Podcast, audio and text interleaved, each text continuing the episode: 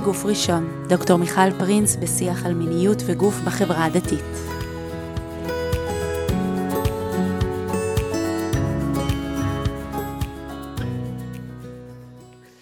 ברוכות וברוכים הבאים לפרק נוסף של הפודקאסט בגוף ראשון. אנחנו פה בפרק חדש, אבל הוא בעצם פרק המשך לפרק הקודם. אנחנו בפרק 42 ואנחנו ממשיכים את הדיון של פרק 41 על חינוך לגבריות. את הפרק הקודם הקלטתי עם חיים גרבר, שהוא מחנך בתיכון הרטמן ומנחה בבית המדרש לגבריות, יהדות ומגדר, והיום הזמנתי לפה את עידן ברזילי אנק, שהוא מחנך בבית הספר וגם כן מנחה ובעצם שותף של חיים לכל ה... אמ, הדרך הזאת. שלום עידן. שלום וברכה, איזה כיף להיות פה. בפרק הקודם דיברתי עם חיים בעצם על אה, הנחנו עקרונות לחינוך לגבריות, בעצם עשינו איזשהו מבט על, על בעצם מה השאלה שאנחנו באים לענות עליה בגילאים, גילאי העשרה המוקדמים, וגם אחר כך, ו... והנחנו איזושהי תשתית לשיחה, ובעצם הזמנתי אותך לפה בשביל לעשות איזשהו המשך. כשמה שמעניין אותי היום לשמוע ממך מאוד, בעצם איך אנחנו ניגשים לנושא. בחצי השני של הפרק נתייחס יותר לעניין של מתודות וממש כלים לעשות את זה, אבל לפני כן יש איזה כמה עקרונות של ממש כניסה לדבר הזה. ככה אולי גם בהמשך לשורות סיום של הפרק עם חיים, שם בעצם דיברנו על, על התפקיד של ההורים, הרי זה לא רק בית הספר עושה את העבודה, וקצת אה, הנחנו אחריות על ההורים.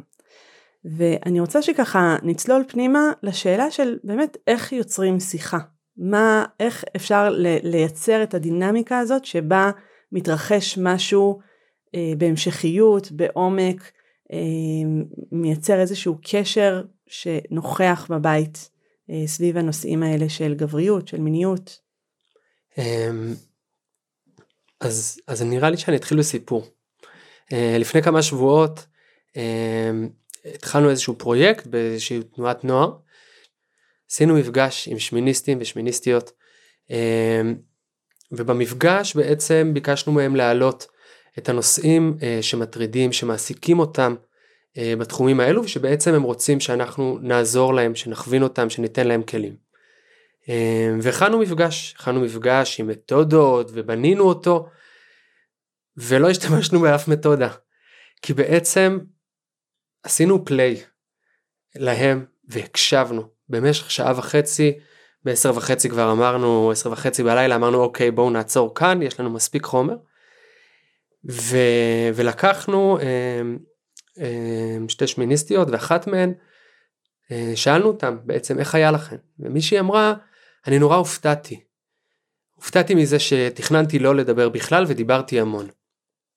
ואני לא יודעת למה.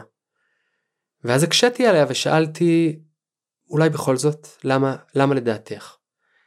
והיא לקחה את הזמן והיא חשבה והיא אמרה אחרי כמה שניות של שתיקה אנחנו פשוט רוצים שיקשיבו לנו. ולא באמת מקשיבים לנו. והייתה שתיקה ברכב גם אחרי, אמ, וזה ממש אמ, תפס אותי האמירה הזאת, אני ממש הולך איתה.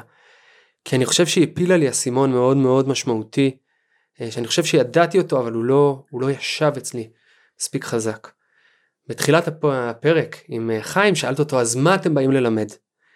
ואני חושב שהרבה לפני מה שאנחנו באים ללמד והרבה לפני מה שאנחנו רוצים לומר ולהעביר וגבולות וכל מיני דברים שמדברים עליהם והם חשובים וגם אנחנו עושים אותם צריך באמת להקשיב. עכשיו זה נשמע נורא נורא פשוט ונשמע נורא נורא רומנטי דברו עם הילדים שלכם ואיזה יופי ואנחנו חושבים שנשב איתם על כוס תה או קפה ויהיה קסום ומדהים ויעופו חדי קרן באוויר אבל בעצם זה פחד אלוהים הדבר הזה. כי לשבת עם המתבגר או המתבגרת שלי בבית ולשמוע אותו או אותה על מה הם עוברים, על ההתמודדויות המאוד מאוד מאוד לא פשוטות שלהם דיברת, אה, פתחת את הפרק עם חיים בעצם בזה שיש כל מיני אירועים שקורים אה, וזה מפחיד, זה מפחיד מאוד לדעת מה הילד או הילדה שלי עוברים. ואם אני אקשיב באמת אז, אז יש בזה משהו שהוא קצת מאיים אפילו. אז צריך לדעת שהקשבה היא מצד אחד הבסיס. ואני מרגיש שאני כבר שבע שנים מחנך ועשור אה, עובד עם בני נוער בגילאים שונים מתחילת חטיבה עד סוף תיכון אמ, וגיליתי שאי אפשר לעבוד עליהם ואי אפשר לבוא אליהם מלמעלה ולזרוק הוראות ומסרים זה פשוט לא עובר הם מעניינים כי הם מנומסים במקרה הטוב במקרה הלא טוב הם יוצאים. אבל אם באמת רוצים ליצור שיח אנחנו קודם כל צריכים להקשיב. באמת וזה לא פשוט כי עולים דברים קשים ואם אכפת לנו מאנשים מהנערים והנערות שיושבים מולנו אמ, אז זה קשה וזה מאתגר. זה, זה מאוד מעניין ה... איך שפתחת, שזה הדבר הראשון, כי בעצם באמת, ואמרת את זה ככה בין המילים שלך, אנחנו באים ו- וכל הכותרות של כל הסדנאות למיניהם זה איך לדבר עם הילדים. ואנחנו מכינים איזה רשימת אה, מסרים פדגוגיים שנבחנו ואושרו על ידי מיטב המוחות ובאמת אנשי מקצוע מעולים. ואתה בעצם אומר השאלה צריכה להיות איך אני מקשיב לילדים. נכון. כי אני חושב שוודאי אנחנו מכינים כל מפגש. ולכאורה העבודה של חיים ושלי ושל שאר המחנכים המנחים בבית הספר היא קלה. כי דוקטור ירון שוורץ בנה תוכנית בנויה לתלפיות. כל מאות מערכים בנויים מסודרים עם רקע אה, תיאורטי לפני ומתודות והכל. אז לכאורה יש לי את, את המתודות אני פשוט אעביר אותם. אבל כבר עם חיים אני חמש שנים כל שבוע מדבר על מפגש מגדר ולוקחים את התוכנית שירון בנה ומדברים בינינו והולכים לירון ומדייקים עכשיו מאיפה מגיעים הדיוקים? מהקשבה לשטח. כי גם אם יש תוכנית מסודרת ואלה הדברים שהם צריכים לעבור בכל חודש בכיתה ז' לדוגמה השנה הם במקום אחר לגמרי כי הם אחרי שנתיים קורונה אז יש תוכנית ואנחנו מתבססים עליה אבל הכל אחר וכל כיתה עם הדיוק שלה עכשיו אתה לא יכול לדייק את הדיבור שלך, את העבודה שלך, אם אתה לא מקשיב. והקשבה היא לא פשוטה והיא מאתגרת, ו- אבל, אבל ברגע, ברגע שהיא קורית, ברגע שבני הנוער, בנות הנוער, מרגישות שמקשיבים להם באמת, ומשתהים בהקשבה, אמו אנוכי בצרה, ונמצאים איתם במקום הזה, אז כבר הלב פתוח. ויש כאן אדם שלא בא אליי מלמעלה עוד פעם, וגם אם הוא נורא נחמד, אז הוא בסוף בא מלמעלה ומעביר לי מסרים על איך אני צריכה להתנהג ומה אני צריכה לעשות. אבל אם יש הקשבה, אז גם הדיבור שלנו נהיה מדויק יותר. ויש משהו שמצד אחד אתה מכין מאוד מאוד טוב, מצד שני הוא, הוא יותר ספונטני, כי כבר נוצרת שיחה. אבל אני, אני שומעת ממך שמעבר ל... ללהקשיב להם בשביל ללמוד מה מטריד אותם, או בשביל בעצם אולי להכין את השיעור הבא, אתה אומר, בהקשבה יש איזשהו עומק ש, שמאפשר להם לגדול ולצמוח. זאת אומרת, ביכולת שלהם לבטא את עצמם ובידיעה שלהם, בידיעה העמוקה שיש מישהו בצד השני, לא רק שמקשיב, אתה גם אומר, מכיל את הקושי שלהם, מצליח לשמוע, אולי גם לא מפחד. נכון. ל- לחוות איתם את החוויה שהם נמצאים נכון, לוקח קצת מהמשקל המאוד מאוד כבד שיש להם על הכתפיים. כי, כי העולם הזה הוא עולם לא פשוט בהיבטים האלו אנחנו שומעים את זה כל הזמן עכשיו בחדשות. ובני ובנות נוער הרבה פעמים הם קצת אבודים. זאת אומרת הם, הם רואים המון והם שומעים המון אבל יש, כל, יש איזושהי הצפה אבל יש ב, אני מרגיש איזשהו מחסור באנשים קרובים שיבואו ויאספו ויקחו קצת משקל מהם אלינו ומתוך זה אה, יש איזה פתיחות לדבר על הדברים אה, והדבר הזה הוא, הוא הבסיס. וכל שאר הדברים ש, ש, שאני חושב שחיים אמר ואני אה, אולי אומר בהמשך הם יושבים על הקרקע הזו.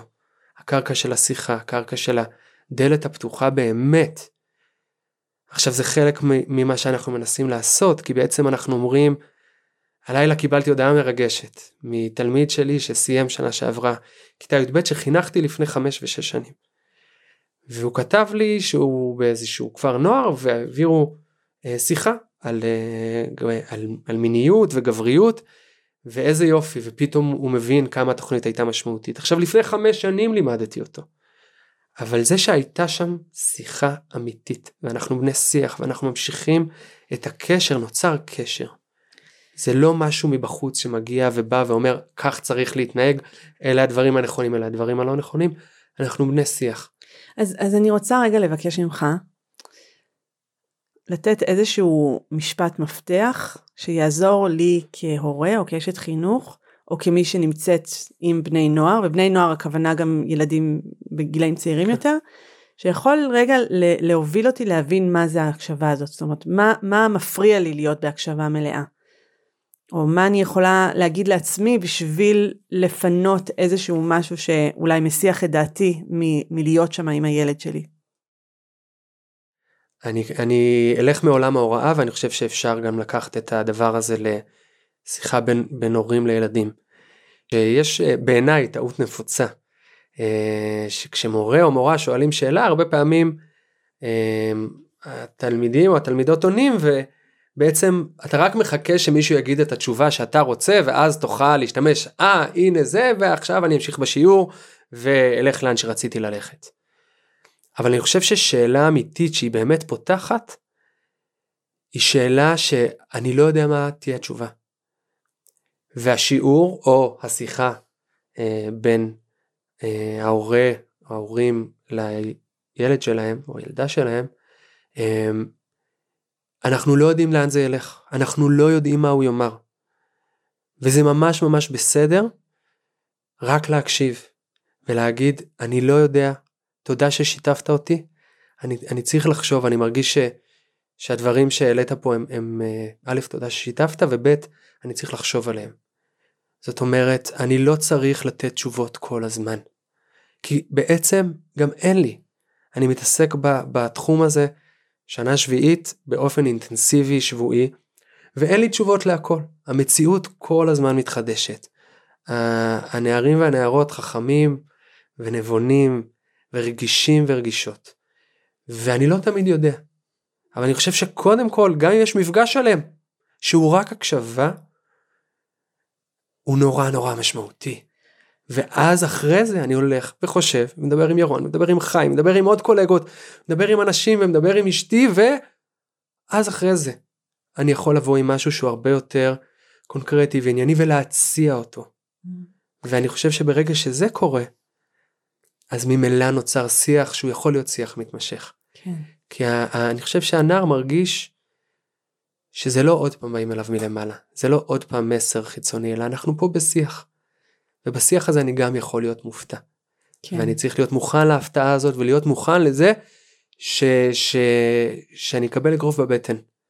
ואני אתכווץ אל מולו, ואני אקח נשימה, נשימה עמוקה, ו, ואני אמשיך. אני אמשיך. חושבת שהמשפט הזה שאתה אומר אני מוכן לקבל את האגרוף בבטן זה משפט משמעותי כי לא, קודם כל לא צריך לפחד לקבל את האגרוף בבטן ואני חושבת שכשהילד רואה שאתה מזדעזע ביחד איתו או שקשה לך הוא בעצם מקבל תוקף לקושי שלו. זה לא משהו של אה טוב כולם חווים את זה טוב אלא, אלא באמת בעומק אתה נמצא איתו בחוויה שלו. אבל ההזדעזעות אני צריך להיזהר ממנה. כי אני חושב שהרבה פעמים אנחנו משדרים איזושהי בהלה אה, שמקפלת בחזרה את הצד השני. וגם אם אני בפנים מזדעזע, אני צריך להיות מאוד מאוד מדוד עם הדבר הזה. כי אם אני משדר היסטריה, אז הצד השני יתרחק. כי בעצם אנחנו צריכים להיות עם רגליים על הקרקע, כי הם אין להם קרקע. במובנים רבים אין להם קרקע לעמוד עליה. אז אני לוקחת את הנקודה הזאת של ההקשבה כאיזשהו משהו כלל אה, ש, שעוטף את הכל. כן. ואני רוצה לשאול בתוך זה, בתוך ה, ה, ממש התחושה הזאת שאתה מתאר, האין קרקע, ממש אפשר להרגיש את זה בגוף, מה הדבר שאתה מרגיש שיש לנו אותו, שאנחנו יכולים להיות מאוד חזקים בו, שאנחנו יכולים לתת להם שיכול להרגיע אותם. איזה, איזה דברים מעסיקים אותם, שאתה אומר שם אנחנו כמבוגרים האחראים, המבוגרים בתמונה, אה, המבוגרים שמשמעותיים להם יכולים לתת ובאמת יכול ככה לתת אה, אוויר שם. הופתעתי לגלות אחרי כמה שנים ש, שרצנו את התוכנית שהבסיס הוא כל כך חשוב. אני, אני אסביר. כשאנחנו בכיתה ח' מתחילים להתעסק במיניות אז בתוך תוכנית מגדר יש שיעורים שהם ממש שיעורי ביולוגיה, גברית ונשית. ושיעור הביולוגיה הוא לא רק אה, מערכת הרבייה, אלא הוא היבטים פסיכולוגיים והיבטים פיזיים, וממש אה, דברים אה, פשוטים. אם עד גיל 16 או 17 לא הייתה לך קפיצת גדילה, אז תלך לרופא.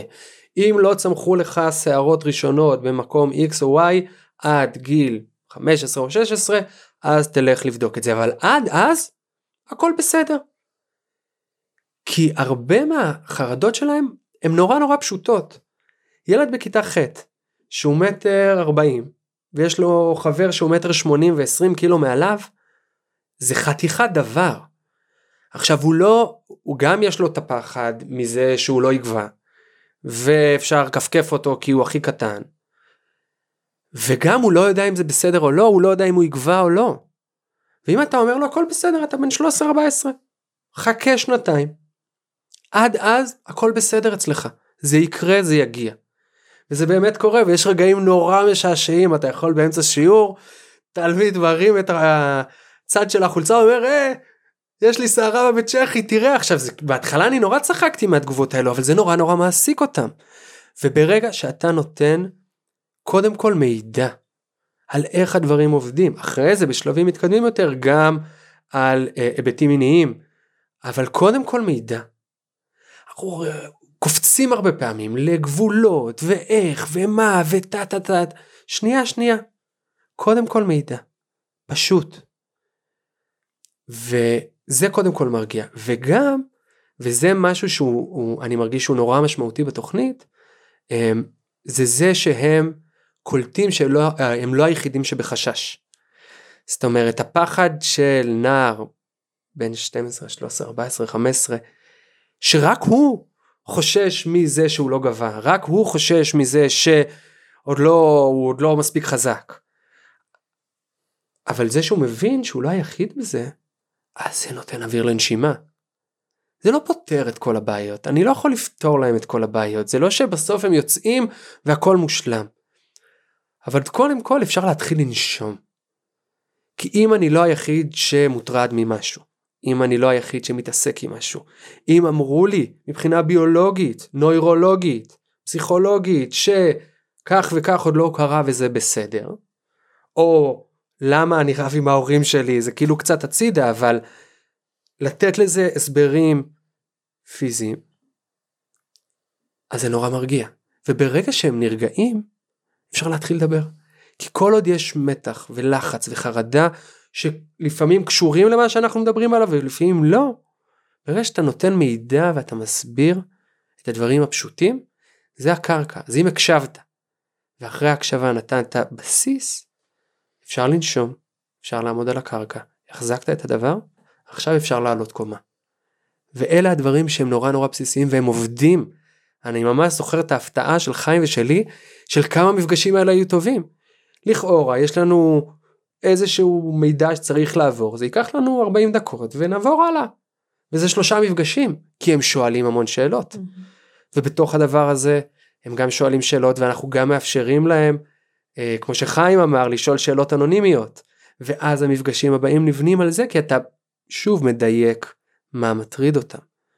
וזה דבר שהוא כל הזמן ברצו ושוב מולם. זה לא רק מידע שבא ועובר. וזה שוב פעם ושוב פעם ושוב פעם חוזר לזה שאנחנו מגיעים עם איזשהו דף מסרים.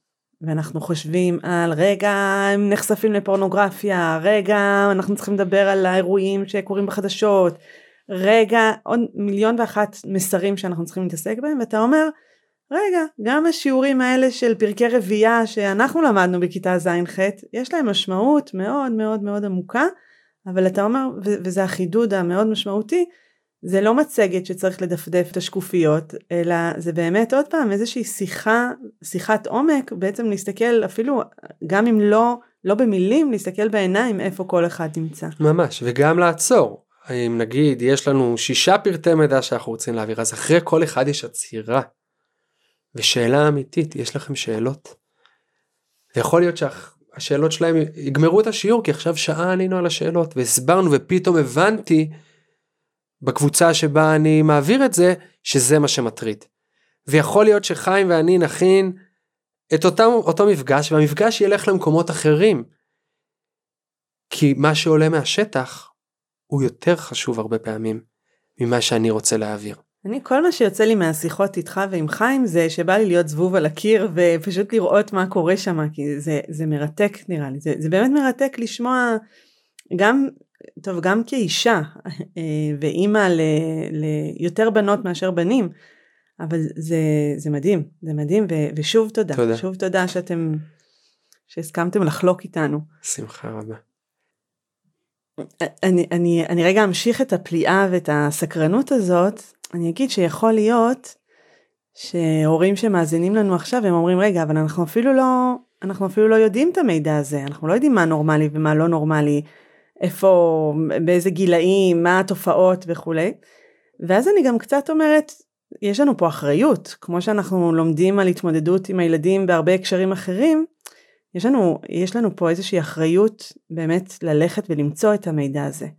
אה, אני, אני ככה תוך כדי חושבת שאולי גם ליד הפרק הזה נשים כמה כישורים שיכולים לעזור להורים, אה, אני מבטיחה להשתדל, אבל, אבל אני חושבת ש, שגם פה יש איזה לכתחילה כזה, אה, לא לחכות שמישהו יעשה בשבילנו את העבודה או שבאמת יעברו איזשהו שיעור בבית ספר, גם, גם וגם שיקבלו את זה בבית, גם שיראו בנו איזשהו מקום יודע אה, שאפשר להתייעץ, שאפשר להביע חששות, שיקשיב לזה שאני במצוקה כרגע כי משהו שם לא מסתדר לי. שלומד, מקום שלומד ביחד אולי. זה ממש ממש בסדר. זאת אומרת להיות... אנחנו נבהלים לפעמים מזה שאין אה, לי תשובה מוחלטת. לא, לא לכל יש תשובה מוחלטת ו, ו, וזה בסדר. אבל אם אני לומד איתם ביחד ואנחנו בוחרים ספר כלשהו או אתר של עמותה מסוימת שאני סומך עליה ואני לומד את הדבר הזה אני יכול ללמוד לפני ולעשות את ההכנה שלי יכול ללמוד עם הבן בת שלי ביחד את הדבר הזה, לעבור איתם את המסע. זה לא אני מעליך, זה אני שנייה מתיישב לידך ומדברים על הדבר הזה. אה, והמידע כמובן הוא חשוב אבל אה, כן. אה, זה איזשהו עיקרון שהוא נראה לי משמעותי בתוך זה. כן אז, אז אני שומעת עכשיו גם את העניין של התיווך זאת אומרת זה לא אני אשלח לך קישור לוואטסאפ ותעבור על הדברים אלא באמת בוא נשב ביחד זאת יכולה להיות חוויה מדהימה. בוא, בוא נתקדם ל, ל, לעוד קומה מעל, קודם ככה רמזת שזה רק הקומה הראשונה. נכון. אז בעצם ככה מה אתה מרגיש שזה הדבר ש, שיעלה אותנו? אז בעצם דיברנו על הקשבה, ואז דיברנו על מידע. אה, עוד סיפור קטן ונחמד, אנחנו עכשיו בכיתה ז', התחלנו, חיים דיבר על זה קצת שבוע שעבר, על המעבר מילדות לבגרות, ממה אתם נפרדים. אה, אז התעסקנו קצת בטקסי מעבר ובבר מצווה על היבטיה השונים. ואז הקדשנו שניים שלושה מפגשים לבת מצווה. ועשינו את המפגש הראשון שהיה לפחות אצלי לא מדהים ולא בדיוק הבנתי למה ואז בתחילת המפגש השני אמרתי אוקיי אנחנו ממשיכים להתעסק בנושא הזה של בת מצווה ושני תלמידים מיד הרימו את היד ואמרו אבל למה עידן? למה זה חשוב? למה למה אנחנו לומדים על בת מצווה? אמ, ונוצרה שיחה של שעה ורבע אה, עם 14 תלמידי כיתה ז', על, אה, על הבנת מציאות החיים מעיניים אחרות. עכשיו אמרתי להם אני לעולם לא אבין את החוויה הנשית אני גבר. אבל ככל שאני אסגל לעצמי הבנה שהאופן שבו אני חווה את המציאות הוא האופן שבו אני חווה את המציאות והוא בהכרח לא האופן שבו מישהי חווה את המציאות או חבר שלי או ההורים שלי חווים את המציאות ונתנו המון דוגמאות והסברתי להם ממש עם דוגמאות שקורות בכיתה. נכון היה את השיעור הזה והזה והוא הגיב ככה והוא הגיב אחרת כי הם חווים את המציאות אחרת כי החוויה שלהם היא שונה. ו- וזה בעצם האמפתיה הזאתי המבט בעיניים וההבנה שיש כאן אחר זה בעיניי הבסיס הקרקע שעליה אפשר לדבר בהמשך על, אמ, על מיניות. רגע רגע אני, אני רוצה להישאר בדוגמה של הבת מצווה כי, כי זו דוגמה מאלפת בעיניי. קודם כל בחרתם איזשהו משהו שהוא הוא, אני אגיד אוניברסלי הוא לא באמת אוניברסלי אבל הוא בעצם כולם חוו אותו בדרך כזו או אחרת אם זה אחיות אם זה חברות מהכיתה אם זה ראו אה, את המערכונים של ארץ נהדרת על הבת מצווש. או שהם כבר הם היו קטנים כשזה יצא. הראינו להם את המערכונים זה היה משעשע מאוד. עכשיו עכשיו, ולקחתם משהו שהוא גם מאוד אה, מנוטרל משאלה של מיניות, משאלה של פגיעות, משאלה של יחסי כוח, למרות שיש הרבה שיש, מאוד כן. הבדלים ו- ומוטמע שם ממש ההבדלים בין גברים לנשים ביהדות. אה, ודרך זה הלכתם. אני, אני ממש אשמח לשמוע איזה עוד איזה שתיים שלוש דוגמאות לדברים שקרו בכיתה סביב הנושא הזה. אני חושב שאנחנו מתעסקים בזה המון. אה, התעסקנו בזה במגדר סביב בת מצווה ועכשיו אנחנו מתחילים קצת להתעסק אה, במרחב אישי ומוגנות. והשבוע עשינו מתודה ראשונה בעצם של מין מודל של רמזור ירוק צהוב אדום של סיטואציות שונות ואמרנו להם אמ, נתנו סיטואציה, אה, נגיד מישהו מקלל במרחב. אה, האם הסיטואציה מבחינתכם ירוקה, צהובה או אדומה? ואתם צריכים אה, לעמוד, לשבת על כיסא או לשבת על הרצפה לפי החוויה שלכם את הסיטואציה. אני חושב שנתנו סביב עשר סיטואציות, ובכל הסיטואציות היו הבדלים. ודיברנו על זה וטיווחנו את זה ואמרנו להם שימו לב, כולכם בני אותו גיל, באותה כיתה, באותו בית ספר, וכל סיטואציה אתם חווים אותה אחרת. האופן שבו אני חווה את המציאות שוב הוא אחר, ולהחדיר את הדבר הזה, לזרוע את הזרע, שבו אדם מבין שיש אחר, ואני צריך להתחשב בו. והם שאלו, רגע, אבל איך אני אדע? אמרתי לו, אנחנו לא תמיד יודעים. בגלל זה אנחנו צריכים להיזהר באופן שבו אנחנו מתנהגים במרחב, ובאופן שבו אנחנו ניגשים אל אדם אחר, זה יכול להיות חבר מהכיתה וזה יכול להיות בהמשך החברה שלי, או כל אדם שאני בא איתו במגע. אני צריך לנקוט משנה זהירות, וללמוד את האחר, ולהבין אותו ולהבין שזה מאתגר, זו חוויית חיים שהיא יותר מאתגרת מאשר טוב אני מתנהל כמו פיל בחנות חרסינה ומי שייפגע ייפגע מה זה, זה האמת שלי, זה אני. זה הגיל שלי, מה זאת כן, אומרת? זה, זה הגיל שאני רואה רק את עצמי, זה מה שאנחנו משדרים כל הזמן.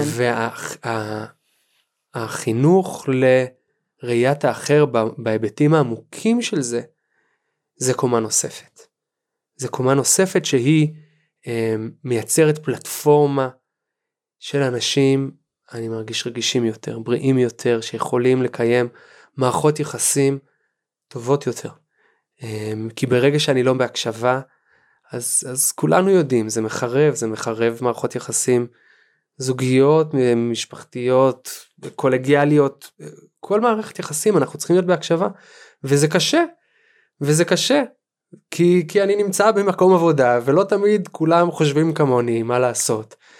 ו, וכל אדם הוא שונה ו, וברגע שאני מפנים את הדבר הזה ואני לומד לעבוד איתו מגיל צעיר, סיכוי שלי אה, לקיים מערכות יחסים בריאות יותר על כל ההיבטים שלהם הוא גבוה יותר. כן. ואז, ואז זה גם מתחבר למה שחיים אמר שבוע שעבר, הנושא הזה של בעצם חינוך לאמפתיה. נכון, אתה, אתה, אתה, אתה הולך עוד שלב אחד קודם, אה, ממש לראות את האחר, אה, ולהיות אמפתי כלפי חוויה של מישהו אחר. זה מדהים כי אתה מדבר על בנים בגיל 13. וכאילו אני אומרת למה זה מדהים אותי אה, למה זה מדהים אותי? זה, הש... זה, לא... זה השלב, אני גם מרגיש ששאלת בהתחלה איך, איך בכלל אפשר ליצור את השיח, אז להתחיל בגיל מוקדם. זאת אומרת, יש משהו, ב, אני מרגיש, בעבודה שלי עם תיכוניסטים, שכלפי חוץ הם מאוד יודעים. הכל, הם יודעים, הם כבר הבינו איך החיים עובדים. למרות שעמוק בפנים הם לא, אבל הם, הם כן, ובגילי חטיבה, אפשר גם לפני, ממש אפשר לפני, הם יודעים שהם לא יודעים. וזה ממש בסדר. עכשיו זה לא שאני יודע המון, אבל קצת צברתי ניסיון חיים, צברנו ניסיון חיים. אמ, וברגע שאתה מתחיל אז, כשאתה מגיע לתיכון, אז כבר הדלת פתוחה, אז אתה בתוך השיח, אתה לא צריך לבנות מההתחלה את כל הדברים האלה שדיברנו עליהם. ושוב, עכשיו, ברור לי שלא עשינו את המפגש הזה ונעשה עוד כמה מפגשים בשבועות הבאים, וזה יפתור את כל בעיות האקלים בשכבה. לא. אבל זה יתחיל לצ... אה, לפתור או, או להתייחס לבעיות משורשן ולא רק בקליפות שלהם לא רק אה, כלפי חוץ אה, כי אנחנו בעצם רוצים לחנך לחיים שהם מעט מעט אחרים מעט רגישים יותר מעט אמפתיים יותר אה, וזה לוקח זמן וצריך מלא אמונה ומלא סבלנות ומלא אורך רוח כי אתה עובד ולפעמים ולא לפעמים בדרך כלל התוצאות לא באות מיד. ומלא מלא היכרות עם המקומות האחרים שהם פוגשים שיחים אחרים לגמרי. נכון. אחרים לגמרי, זאת אומרת, דיברת על האקלים, האקלים שבו הם גדלים הוא לא זה, הוא לא זה לצערנו. אני נושמת עמוק, כבר העירו לי כמה פעמים בתגובות לפודקאסט שאני כל הזמן נושמת ומדברת על זה שאני נושמת ואני נושמת עמוק כי, כי אני חושבת שזה מגלה לי ככה כמה המילים שלך ככה נותנות, אמרת, אתה אמרת אמונה, אני, אני ממש שומעת בתוכי את המילה תקווה ואת המילה אופטימיות. אה, רק צריך לוודא ש, שזה זה מתפשט לעוד מקומות ולא רק נשאר אצלכם, אבל זה לשיחה ו- אחרת. לא ודאי ודאי האופטימיות הזאת שעכשיו אני מדבר כאן עליה היא, היא מאתגרת היא חתיכת עבודה. שאל אותי פעם מישהו שסיפרתי לו על, על התוכנית הוא אמר אתה לא מרגיש שאתה נלחם בתחנות רוח? ואמרתי לו שלפעמים כן. ולפעמים מה זה לפעמים? השבוע. אתה שומע חדשות ואתה מתפרק. אתה באמת מתפרק כי אתה אומר זה טיפה בים והמציאות שבורה באמת. אבל לא עליך המלאכה לגמור ויהיה את הבן חורים ל... להיבטל ממנה. אתה... אני, אני עובד איפה שאני יכול לעבוד ואני מנסה להביא אה, את השיח הזה איפה שאני יכול. ואני מתפלל כל יום להשם יתברך שבאמת שזה יצמח ו- ואני ממש מרגיש אה, מתוך השבר מתוך השבר שאני מרגיש ש- שאנחנו שהמציאות נמצאת בה אה, שמתחילים לצאת ניצנים קטנים אה, של תקווה ואני רוצה להיות חלק ממנה. אז היום אני בוחר להיות אופטימי וזה מאתגר וזה לא פשוט קצת כמו שאמרתי בהתחלה שהקשבה היא לכאורה רומנטית נורא אבל היא לא פשוטה. אותו דבר האופטימיות אבל אבל זה ממש בחירה בחיים. זה בחירה בחיים זה בחירה אה, לטבול בקושי. ממש. אה, ולהיות שם. אה, זה מאתגר זה לא פשוט אבל זה זה ממלא במשמעות. אני לפעמים חוזר מ, מיום עבודה של, של שיח משמעותי שמצד אחד אני קצת מרוקן מצד שני אני מלא כן. אה, בתחושה וזה, כזאת. וזה חוזר לאותה הודעה שקיבלת מאותו בוגר שאתה אומר אני ממש הזרעים הם פה בכיתה ז' אנחנו נראה את זה בעשור הבא. נכון. אני רוצה ככה לנצל את ה... ככה עשר דקות האחרונות אה, לדבר אפילו יותר פרקטיקה זאת אומרת מה הכלים שעוזרים לך שם מה, מה אתה משתמש אה, אם אתה יכול לתת אפילו דוגמאות של מתודות ש, שככה יכולים ככה לתת לנו איזה איזה נגיעה ב, ב, ב, ב, להיכנס לכיתה אה, ואולי ייתן לנו רעיונות גם לעשות את זה בבית וגם אני מאוד מאוד מקווה שהרבה אנשי חינוך שומעים ואולי גם יוכלו לקחת את זה איתם הלאה. אמ, אז עכשיו חשבתי חשבנו על זה שאנחנו משתמשים המון בשאלוני גוגל פורמס. עכשיו למה? כי בעצם אה, אמנם אנחנו מייצרים שיח משמעותי וכולי וכולי אבל הם בסוף נערים בני 13 14 15 והם לא כל דבר שהם חושבים שמטריד אותם הם מרגישים בנוח לספר ליד חברים שלהם. אבל אם אתה שואל את השאלות והם עונים על זה בפלאפון בצורה אנונימית. ואז בעצם זה שנתת להם לגעת בפלאפון כן, זה כן. בכלל הכיף שלהם. כן אז אתה אומר אוקיי יש כאן שאלון קחו עכשיו 6 7 8 דקות תענו על השאלות ברצינות זה חשוב. אני שם איזה שיר אומר להם תפסו פינה תענו ברצינות. ואז אנחנו רואים ביחד את התשובות שלהם ומדברים דרך התשובות שלהם. זה שוב אותו עיקרון אני לא בא מלמעלה עם מסרים. אני אומר הנה תראו הדבר הזה שחלקכם אמרתם שהוא ממש ממש בסדר יש כאן כמה חבר'ה שזה לא סבבה מבחינתם. ובואו ננסה לחשוב למה. גם החבר'ה שאמרו שזה סבבה. למה לדעתכם יש לכם חברים שאותו דבר שאנחנו מדברים עליו, לא יודע, צחוק מסוים, אה, משהו שאולי נתפס על ידי חלק מהאנשים כפוגעני, למה הוא יכול להיתפס כפוגעני? ואז התשובות באות מתוכם. כי אני מרגיש שהרבה מהדברים והרבה מהמסרים שאנחנו רוצים להעביר, הם יודעים אותם. החוכמה היא לא לומר להם את זה, אלא לתת להם להוציא את זה מתוך עצמם. וברגע שאתה משתמש באנונימיות הזאת של השאלון ואז חושף אותה באופן אנונימי, אתה נותן להם לייצר את השיח, אתה מנחה. אתה פחות מורה, אתה פחות אומר. ודאי שיש דברים שאני מציב, ודאי שיש גבולות, ודאי שיש דברים שהם קו אדום. ודאי, זה עולה. אבל קודם כל הדברים באים מתוכם, כי אני מרגיש שהמון המון מהדברים, הם יודעים אותם. ובתוך המאבק של גיל ההתבגרות הם מתנגדים אליהם. אבל הדבר הזה של השימוש באנונימיות, שימוש בדברים שהם והחברים שלהם אומרים, קצת ממיס את ההתנגדות. זה לא אני. זה לא עידן המורה בא ואומר לך עכשיו, כך וכך נכון, כך וכך לא נכון. החברים שלך אומרים, אומרים לך שזה פוגע בהם. כל, כל דבר שלא יהיה אפשר לקחת את, ה, את הדבר הזה, אני חושב שיש לנו עשרות שאלוני פורמס שנמצאים אצלנו בדרייב, כי, כי באמת על המון המון דברים אנחנו עושים את זה. זה מעניין גם אתה אומר זה לא שאתה נותן, שולח להם את זה כשיעורי בית בערב לעשות את זה לבד ואז נגיד אתה נחשף לתשובות לפני אתה בעצם אחד מהם אתה נחשף לתשובות איתם ביחד. אני נותן לעצמי ביחד. להיות מופתע. Mm-hmm. אני נותן לעצמי להיות מופתע.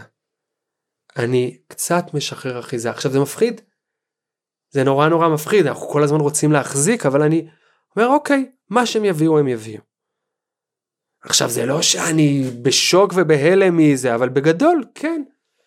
בואו נדבר על הדברים שאתם, שאתם רוצים. עכשיו, אני הכנתי את המפגש, זה לא שאני בא טבולה ראסה. אני הכנתי את המפגש ואני יודע מה הכלים ואני יודע מה הכיוונים שאליהם אני אה, אולי רוצה לקחת את השיח, אבל אני, אני בן שיח. אני חלק מהשיח כל הזמן. וכשאני בשיח, אז זה יכול להיות מפתיע, זה יכול להיות לא נעים. ו... אבל זה נורא נורא חשוב שאני אהיה מופתע כי אם אני חשבתי שזה ילך לכיוון אחד וזה הלך לכיוון אחר אז כל המפגשים הבאים משתנים מתוך הדבר הזה. ו... וכן אני כאילו קצת מסנדל את עצמי בתוך הדבר הזה אבל אני חושב שהוא שזה משמעותי והם רואים את ההפתעה שלי והם רואים את ההתמודדות שלי כי הם בעצם צריכים להתמודד נכון אבל גם אנחנו מתמודדים. וזה שאני אומר להם הנה אני מתמודד אני מתמודד עם מה שאתם מביאים לי. זה יכול להיות לא פשוט לי אבל הנה אני, אני זה בסדר. יש כאן מבוגר אחראי שמחזיק. שמצד אחד אני משחרר מצד שני אני המבוגר האחראי. ואני הדמות שגם מרגיעה. שגם אם עמוק בפנים, דיברת מקודם על הזעזוע, גם אם עמוק בפנים נורא נורא קשה לי, אני בוחר את המקומות, וזה ממש בחירה, איפה אני בוחר להזדעזע כלפי חוץ. כשאני חושב שיש כאן קו אדום בוהק, שיש כאן משהו שהוא, שהוא דורש את הדפיקה על השולחן, אז אני עושה את זה. אבל אני לא משתמש בזה כל הזמן, כי אז, כי אז זה כבר לא אמין. אם על כל דבר שהם יגידו אני אזדעזע, סגרת את אז, אז זהו, אז, לא, אז אתה לא רלוונטי. אבל אם אני מחזיק, ואני בוחר מה הנקודות שבהם אני יותר תקיף, שוב מתוך שיח, לא מתוך נזיפה, אלא מתוך הסבר עמוק ללמה הדבר הזה הוא נורא מסוכן, נורא פוגע. אז, אז שוב, אז זה מתוך שיח. אז אני לא מתפוצץ עליהם, אבל אני, אני תקיף. אתה שם. אני שם. כי זה באמת, עכשיו זה לא כמשחק. זה לא כמשחק, אני לא משחק את זה, זה באמת מפריע לי, אני באמת אכפת לי מהם. ואם הם מתנהגים בצורה מסוימת כלפי החברים שלהם, אז זה באמת מדיר שינה מעיניי. אני לא עושה את זה כמתודה. אני עושה את זה כי אכפת לי. והם מרגישים את זה. אז זה דבר אחד, השאלוני פורמס, אני אתן דוגמה, אנחנו בכיתה ח' מתעסקים המון בגבריות. אה, חיים אה, הזכיר את זה קצת בשבוע שעבר ולמדנו שהרבה מההתנהגויות שיכולות להיות סיכוניות, הפוגעניות, התחרותיות הבלתי נגמרת שבה הגברים נמצאים, הנערים נמצאים, קשורה בתפיסות של גבריות. עכשיו יש את השיעורים הקלאסיים שאני מניח שאנחנו לא היחידים שעושים של להראות פרסומות וסרטים ומה המסרים על גבריות שיוצאים מהם זה לא איזה חידוש גדול עכשיו גם את זה אנחנו עושים אבל ממה אנחנו מתחילים אנחנו בעצם שואלים אותם, מה זה גבריות מבחינתכם? עכשיו אנחנו לא שואלים את זה ככה, אלא אה, מתודה שאני נורא אוהב זה להראות אה, דמות גברית כלשהי, או חמש דמויות גבריות, מעולם הפוליטיקה, מעולם הספורט, מעולם התיאטרון או הקולנוע, או דמויות שהם מכירים בוודאות, אה, עם מאפייני גבריות שונים, אנחנו בוחרים את זה בקפידה, אה, ואז אנחנו אומרים להם, כמה הוא גבר בעיניך מ-1 עד 10? תנו ציון, ואז נגיד הוא אומר 7, אחד התלמידים אומר אני חושב שהוא גבר, אני אתן לו 7 מ-10. ואז אנחנו אומרים אוקיי, מה הם 7 הנקודות? זאת אומרת דבר איתי בהתנהגויות, דבר איתי בדברים שהוא מייצג שהם בעיניך גבריים. ואז אני רושם על צד אחד של הלוח את כל הדברים שהם אומרים שהם בעיניהם גבריים. ואני אומר רגע אבל הורדת לו שלוש נקודות. מה הם שלושת הנקודות שהורדת? מה בהתנהגות שלו באופן שהוא מייצג גבריות מוריד בעיניך זה לא הגבר שהיית רוצה. ואז אתה רושם את זה בצד השני של הלוח. עכשיו יש דיון יש 15 תלמידים יש דעות שונות. אמ, זה קשור לא יודע לקבוצה שמועדים בכדורגל או שזה קשור לתפיסה הפוליטית אה, שיש להם אם זה דמות פוליטית. אבל זה לא מעניין אותי באמת מה, מה כמה הם נתנו אלא מה הם אמרו על מה זה גבר או לא גבר בעיניי. ואז בעצם אחרי 45 דקות כאלו נפרס על הלוח נפרסת על הלוח מין תמונה. זה מה שמייצג גבריות בעיניכם. זה מה שלא מייצג גבריות לא טובה. בעיניכם. עכשיו מתוך הרשימה המאוד ארוכה שיש כאן, צאו לתרגיל כתיבה אישי, תבחרו את ארבעת הדברים המייצגים ביותר מבחינתכם, וארבעת הדברים הפחות, שהם פחות גבריים בעיניכם, תבחרו את הדבר הזה. עכשיו התרגיל הזה הוא בעצם מאלץ אותם לשאול את עצמם את השאלה הזאת. אני לא שואל אותם באופן ישיר, אלא אני משתמש במתודה, ואז אומר תשתפו. ואז אני אומר, היי, תראו, אתם בכיתה ח', אתם בני 13-14, ויש כאן המון המון תפיסות של גבריות. תשמרו את הדבר הזה. כי אנחנו נראה עוד מעט שאתם כל הזמן מוצפים במסרים, והמסרים האלה ימשיכו לחדור, ותבינו שיש אפשרויות שונות של גבריות. זה לא אני אומר לכם, זה אתם, אני פשוט משקף את מה שקורה במפגש. תלמיד הזה אמר כך וכך, והתלמיד הזה אמר, נתן ערכים אחרים, והנה תראו התווכחתם על זה. ושניכם אמרתם דברים משמעותיים. עכשיו מה שאתם אומרים עכשיו ילך וישתנה, אבל תזכרו שיש הבדל, תזכרו שיש אפשרויות שונות. איזה גבר אתם רוצים להיות, תבחרו, אני לא אומר לכם מה להיות. אני מייצג בעצמי איזשהו מודל, וחיים מייצג מודל אחר, וזיו שדיבר פה גם מייצג מודל שונה, כל אחד מאיתנו הוא גבר אחר. אבל תדעו שיש אופציות שונות.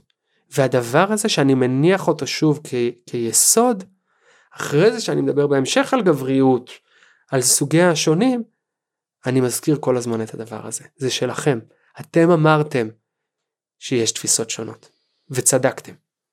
וזה משהו שאני נורא נורא אוהב, כי שוב, הוא לא אני אומר לכם ש. כן, זה מאוד מאוד מחזיר אותנו להתחלה, לנושא הזה של ה... הקשב, זה הקשבה מסוג אחר, זה בעצם לגרום להם להקשיב לעצמם. נכון.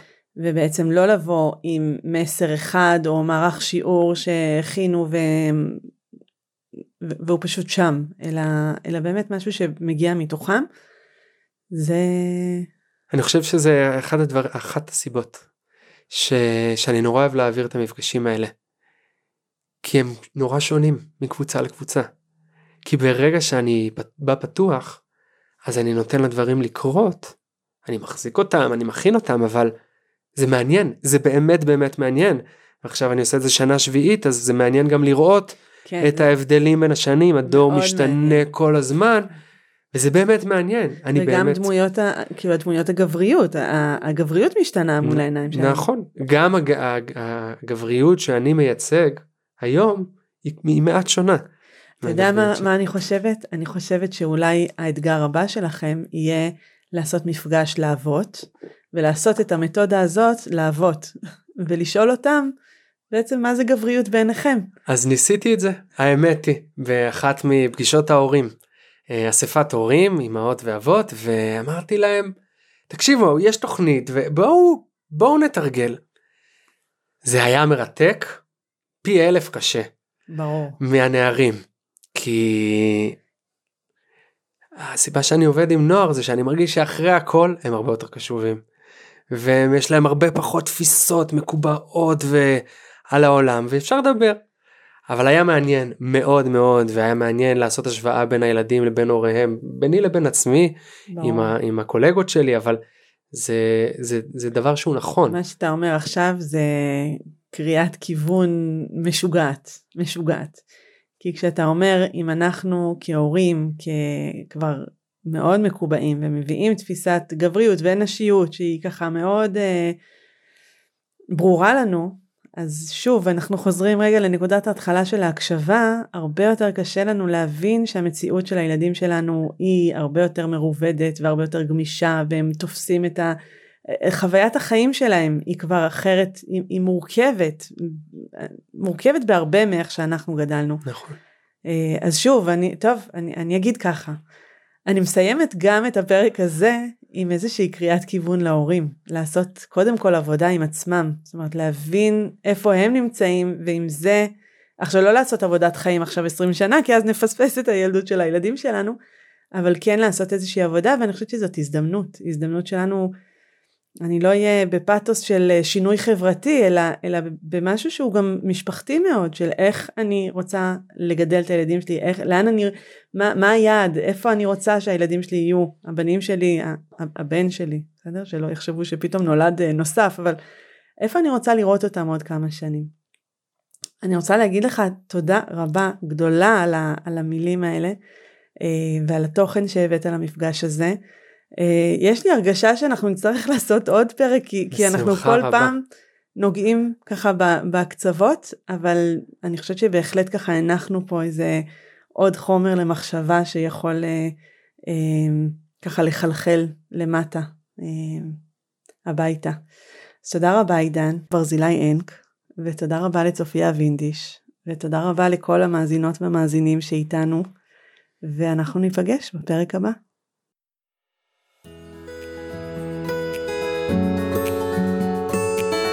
מגוף ראשון, דוקטור מיכל פרינס בשיח על מיניות וגוף בחברה הדתית.